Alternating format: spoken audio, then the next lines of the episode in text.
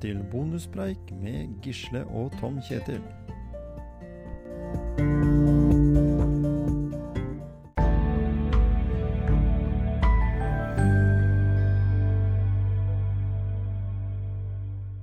Ja, Gisle, da sitter vi her igjen, da. Ja, I studio og skal prate om eh, Ja, hva skal vi prate om i dag? Du kom med et lite Nei, jeg, forslag Jeg om eh, tenker å prate om motivasjon, jeg. Ja, ikke sant?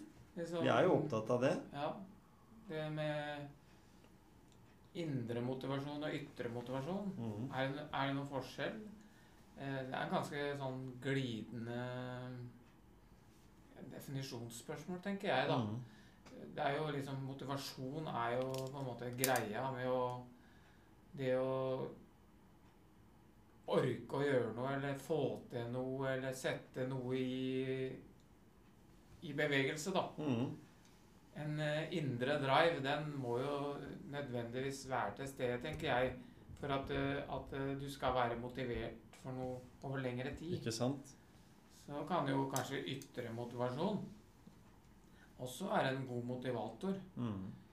Eh, men da er det gjerne for en kortere periode, tenker jeg. Ja. At det liksom Det er for å vise noen at jeg får det til, eller Mhm. Du deltar i en konkurranse, f.eks., og så er premien det er en, eh, et gavekort eller en pokal eller en medalje Ja, eller penger. eller penger. Så er liksom det en ytre Det motivasjon. Ja, det er ytre motivasjon. Det er drivkraften. Mm. Og og så, ikke sant, eh, i skolen, da. Elever. Mm. Hva er det som motiverer de til å øve til den prøva? Er det faktisk bare karakteren? Mhm. Lære innholdet i det du øver på? Mm. For å lære det du øver på? Eller lærer bare for å huske det i et kort øyeblikk, og så kunne skrive det ned på papiret dagen etterpå, og så få den karakteren? Mm. Men, tror, men tror du da at det uh, At den uh, timen eller den prøva eller den, det faget, da Hvis du hadde gått ordentlig inn og satt deg ordentlig inn i det, at det ga en Altså at det blei en ytre motivasjon for å få en god karakter, men det også gjorde noe med den indre motivasjonen din fordi du blei bedre i det faget. Mm. Og derfor så tror jeg at det, det, motivasjon må inneholde litt av begge deler. Mm. Hvor kanskje indre motivasjon er eh, det største, den største bidragsyteren. Mm. Og at eh, den ytre motivasjonen også må være som en bidragsyter da, for Mm. å, å oppnå et, et mål. For eksempel. Det Ja. tror jeg. Ja. Og så er det det der å finne det der eh, Hva er det som motiverer deg, da? Mm. Jeg er litt av den oppfatninga at for å bygge på den indre motivasjonen, så må vi jo ha fokus på noe. Altså vi må ha, eh, være dedikert i forhold til eh, at dette vil vi gjøre noe med. Mm. Det vanskeligste, vanskeligste med det er vel kanskje hvis det er en sånn helt grei Altså den ikke har noe press på seg verken i jobb eller, eller på en måte på prestasjonsnivå. At den ikke skal ha noe å strekke seg etter, tenker jeg da. Hvis den ikke på en måte Se her, Gisle, her har du noen punkter. Kan ikke du jobbe videre med det? For det vil kanskje gi deg en bedre motiv indre motivasjon. Så du tenker at fokus det er på en måte litt sammenlignet med mål, da? Ja, Mm. det er starten på det. Ja. Så hvordan skal vi begynne? Jo, vi må begynne på hvilket fokus du har. Og da kan du gjøre en, en god eh, Hvis du hadde vært en behandler, f.eks., så hadde du gjort en god research rundt den personen.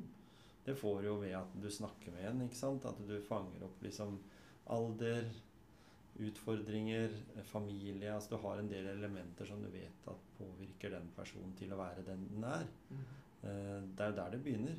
Mm. Hvis du vet at det er, her er det veldig mange ting som må tas tak i, så er det også veldig vanskelig å prøve å motivere til å bygge en indre motivasjon, da. For det er jo det som er fundamentet for oss videre i livet. Hele livet. Den mestringa kommer jo til slutt da ut ifra det at vi har en indre motivasjon. Mm. Så, så da, egentlig så det der fokuset mot noe langt der ute, et mål langt der framme, kanskje et større mål, da, mm. det, det der ute, men på veien så må du ha delmål, da. Mm. Og mestringsmål på veien som Mm. kanskje kan være små. For eksempel. for å nå den store Å Ja, der ute. ja ikke sant? Men, men så tenker jeg Ja, det, det er jo en indre drive, da. Men ville det motivert deg hvis jeg sto over deg med en straff hvis du ikke gjorde en ting? Er det en motivator? Jeg, har alltid, jeg, jeg har aldri hatt sansen for måten Forsvaret skal motivere oss på. De, liksom, og de sier at de skal bryte ned for å bygge opp. Jeg har ikke noe sansen for det. Jeg mener jo heller at det, ut fra å gi gulrøtter, altså gi noen sånne eh, eh, positive ting underveis, at vi blir vel så gode på ting ved å ha en positiv fokus enn å ha en negativ fokus. Hvis du banker bikkja di for at den skal lære seg å gi labb, så, så lærer jo bikkja etter hvert å gi labb, men den er jo ikke glad i seg. Altså, den, den er jo dedikert til deg fordi du er herren og mesteren, liksom. Og sånn er det jo litt med vårs mennesker òg. At hvis du, hvis du får juling hver gang du skal prestere, så bare spole tilbake til eh, russiske turnjenter som eh, på 80-tallet. De så ikke ut som de var fornøyd når de vant. Nei. Så da, de hadde blitt er- banka liksom, Ja. for å prestere. Ja. Det, jeg vet jo ikke så veldig mye om det, men Nei, jeg, jeg, jeg regner med at men- kulturen var helt annerledes der. Men jeg tenker at eh, straff, eh, eh, kan du si, mm. eh, ved at ikke du gjør ting, det er jo på en måte Motivasjonen er jo ikke få Mm. eh, dask, dask da, eller kjeft, eller hva det måtte være. Mm. Men, men at, eh, at det er Det er i hvert fall ikke noe positiv motivasjon. Nei. Og da du, du har jo ikke noe indre motivasjon. Nei. Det er jo kun ytre. Mm. Og da, så lenge Så etter at du har utført den handlingen, da, eller det målet ditt, da, Mm. Og så fikk du ikke straff, og så er det ingen som bryr seg om, hva, om, om deg videre, så kommer du i hvert fall ikke til å gjøre den tingen igjen. Nei. For det var jo ikke forbundet med noe positivt. Nei. Så jeg tenker at det der med litt sånn gulrøtter på veien, Mm. det Og det så jeg, jeg så her i avisa her forleden da, så var det jo en som sto fram og sa han hadde gjort var det 20 forskjellige inn, altså lovbrudd. da, Og han hadde sittet i 18 år av sitt liv i fengsel. Så hadde han fått en sjanse da, til å jobbe bare med planter og jobbe som en slags gartner, på en måte. Eh, og hadde fått et helt nytt liv. Og da er det jo fordi noen har gitt han noen gulrøtter. mm. Ikke for at de har banka det inn at han skal drive og jobbe med de tinga der. For det må jo da liksom ha en indre motivasjon til å ville gjøre det. Og da kan de gulrøttene være veldig viktige på veien. Du får en ny sjanse, du. Nå husker jeg ikke hva han het, men liksom du får en ny sjanse, du, Gisle. Fordi eh, vi tror at det her vil komme til å hjelpe deg. Mm. Og så får du automatisk en sånn indre motivasjon, og, og du blir god på det, da. Ja, og første gang i livet, kanskje. Og så gjelder vel den følelsen av å At det her, det her er egentlig bedre for meg enn det andre jeg drev med, ja. da. Og så vil det Skjønne være sammenhengen. Ja, da kan det være at du har snakka med en som dette har han peiling på, vet du, han vet hva jeg vet best, liksom. Og så ta med det på veien. Og så finner han ut at det, dette her var egentlig ganske bra. Jeg vet, vet på, på Bastø, som de har hatt åpen soning, så har de også hatt litt sånn hagearbeid, litt sånn jobbe på litt gårdsrelatert. Og det har jo gitt mange mening, da. Og så er det noen som syns det er veldig ålreit å drive med hest. Andre får liksom sånne elementer. Og, og jeg tenker at hva ville du sagt, Gisle, hvis det var en person som hadde en indre motivasjon i eh, seg, da, at han jobba veldig fokus på å bygge seg en familie, da. F.eks. en som ikke da har kjæreste og ingenting, han er helt på scratch. Eh, og får det som et mål, at han vil skaffe seg en kjæreste, og han har lyst til å ha en familie, han har lyst til å ha barn, han har lyst til å ha egen, en bolig. Eh, blir det da en mellomting mellom indre motivasjon og en ytre motivasjon i forhold til det han ønsker å oppnå. For det er jo på en måte litt på samme måten som å prestere i en idrett, da, at du får gullmedaljen. Mm. Så er det den motivasjonen din, og det er en ytre motivasjon, den gullmedaljen. Men du må på en måte bruke veldig mye av din indre motivasjon for å komme dit på Ja. veien. Ja, Med mange er- delmål, som du sier, som vi Ja. snakka med, med han kompisen din, triatlonutøveren, ikke sant, som, i en tidligere podkast, som, som på en måte snakka om det her med delmål, at det var viktig i en sånn type aktivitet. Mm, mm. Jeg tror uansett eh, hva du skal nå i den andre enden, så må du det, det er jo den derre Det som skjer på veien, Mm. som gir deg den der beste følelsen, liksom. Og, de, og den tror ikke jeg er noe sånn tidsbestemt. For noen mennesker så kan være der sånn med en gang. Mens andre må bruke kanskje uker og måneder og år Mm. for å komme i nærheten av det.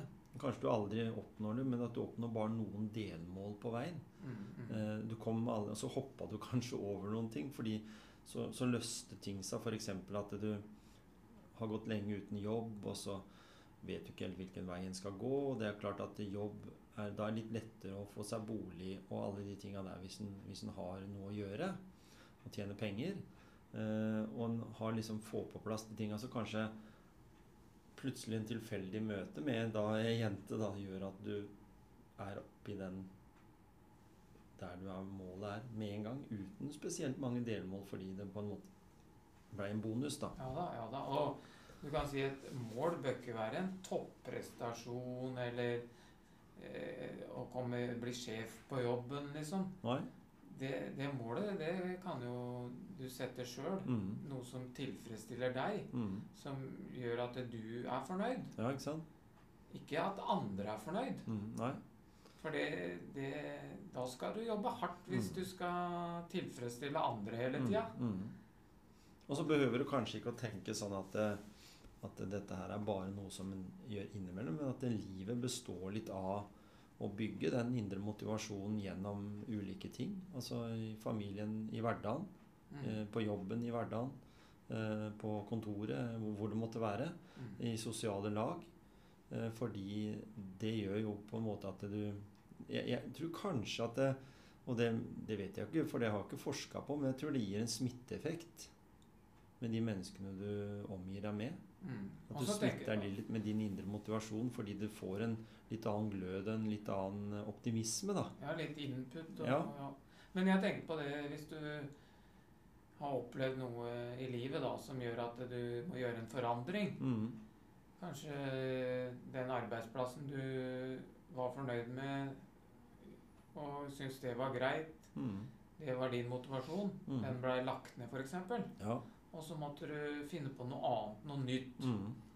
Og da tenker jeg at det er viktig Da får du sikkert hjelp av noen i Nav-systemet eller Mm. noe sånt for å finne på noe nytt. da. Mm. Og da tror jeg det er viktig å ta med den personen det gjelder, og høre hva har du lyst til? Hva Mm. er som Mm. kan drive deg? Eller kanskje også ta med og ut og, og, og prøve noe nytt som en ikke har prøvd før. Mm. Og så kanskje var noe, noe den personen likte da, og ville gå videre med. Ja. Så liksom ikke at noen skal bestemme at nå skal du nå skal du begynne på nytt, men du skal begynne med det her. Ja. Og så er, passer ikke. Altså, kan du kan du tvinge noen indre motivasjon? Det Mm. tror jeg ikke. Nei. det, Det- det kan du ikke. Den indre motivasjonen, den Mm. må du finne igjen gjennom egen interesse. Mm. Men så er det å finne den rette egen interesse, da. Det er det. Og der kommer vi tilbake til det å gjøre en god research. da. For i, i, i samfunnet i dag så tror jeg at veldig mange arbeidsgivere, og arbeidsplasser også, gjør for lite forberedelser i forhold til den personen.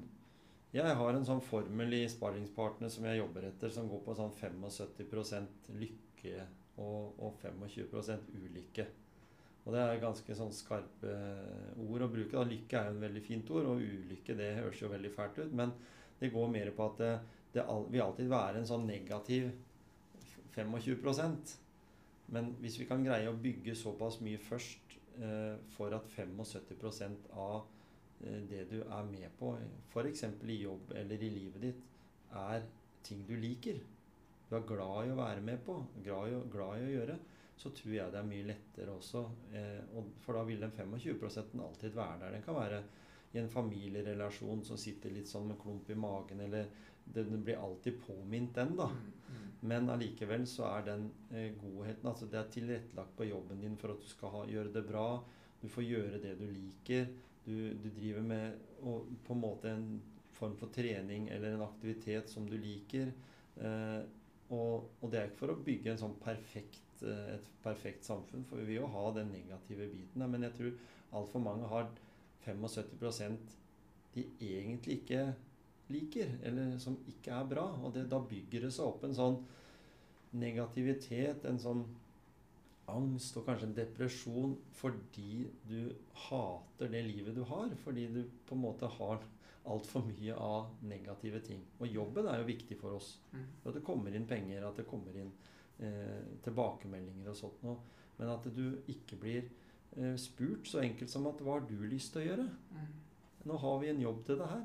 Hvordan har du lyst til å utvikle den stillingen du har fått her hos oss? Hvilke forventninger har du til det? Hva, hva, er, hva er dine greier? Hva er din styrke? Ja, Hva kan ja. du Styrker og svakheter. Det er så altfor mange som blir satt til ting de egentlig I dette multisamfunnet der eh, jobben din skal bestå av at du skal bli god, litt god på alt. mm, mm. Det tror ikke jeg funker for alle mennesker. Veldig få, faktisk. Så funker det. Du kan ikke ha både IT-ansvaret og ansvaret for kollegaene dine og være den som, som trakter kaffe og den som, som gjør salgene. Nei. Du må ha ulike roller. Mm. Et fotballag kan jo ikke bare være keepere. Nei. Det må være alle lagdelene for at ting skal funke. Ja, så keeperen han, kan ikke, han skal ikke inn, innta alle rollene. Nei, Selv om det er sikkert noen keepere som kunne tenke seg å bytte litt rundt. da. det er det. Og Men, det er men, men det er jo kanskje de færreste, tenker Ja, jeg. men da kommer vi også inn på det der med, med hospitering, da. Mm. Ja. Altfor få som gjør det. Mm. Er du lei, litt lei av jobben din, du har jobba i samme jobben og gjort akkurat det samme i 15 år, så vil du som sjef kunne komme og si at Du, Gisle, nå, nå syns jeg liksom at du Nå har jo du jobba med det der i 15 år. Hva hvis du hadde Vi har et kontor i Porsgrunn. Vi driver jo litt med litt andre ting der. Kunne du tenke deg å prøve det? Jeg ser jo du er jo sinnssykt god på enkelte ting her på jobben. Har du lyst til å videreutvikle det? Mm. Så sier du ja, det hadde vært kult. Ja, Det spørsmålet har jeg venta på lenge, liksom. Ja. Ja. Og så, og så, sånn, og så sier du Nei, jeg tror jeg syns jeg har det bra som jeg har det. Ja, men så bra det òg, da. Det er jo greit, det òg. Det er din, den motivasjonen du har til den jobben. Jeg synes, du leverer jo. Så, men jeg tenkte det liksom for deg, da, at Mm. du kunne fått muligheten til det. Da har du på en måte en mulighet. Du blir, har en dialog med lederen eller med ledelsen på en sånn god måte, sånn at når du går derfra, så får du ikke følelsen av at ja, nå ville de sparke meg. Nei, du får følelsen av at fy søren, de ville ha meg i en, en annen rolle, men jeg sa egentlig nei. Jeg følte ikke at det var rett tid, eller at jeg hadde ønske om det. Mm. Men du ble spurt. Mm. Og sånn er det jo i den institusjonen jeg jobber i, sykehuset også, at jeg, jeg tror nok veldig få, selv med de beste lederne, at det er veldig få som spør hva du er god på. Det blir sånn standardspørsmål som du bare, bare fosser igjennom på, på personalsamtalen, og så gjør ikke noe mer med det, liksom. Men bruke det som verktøy.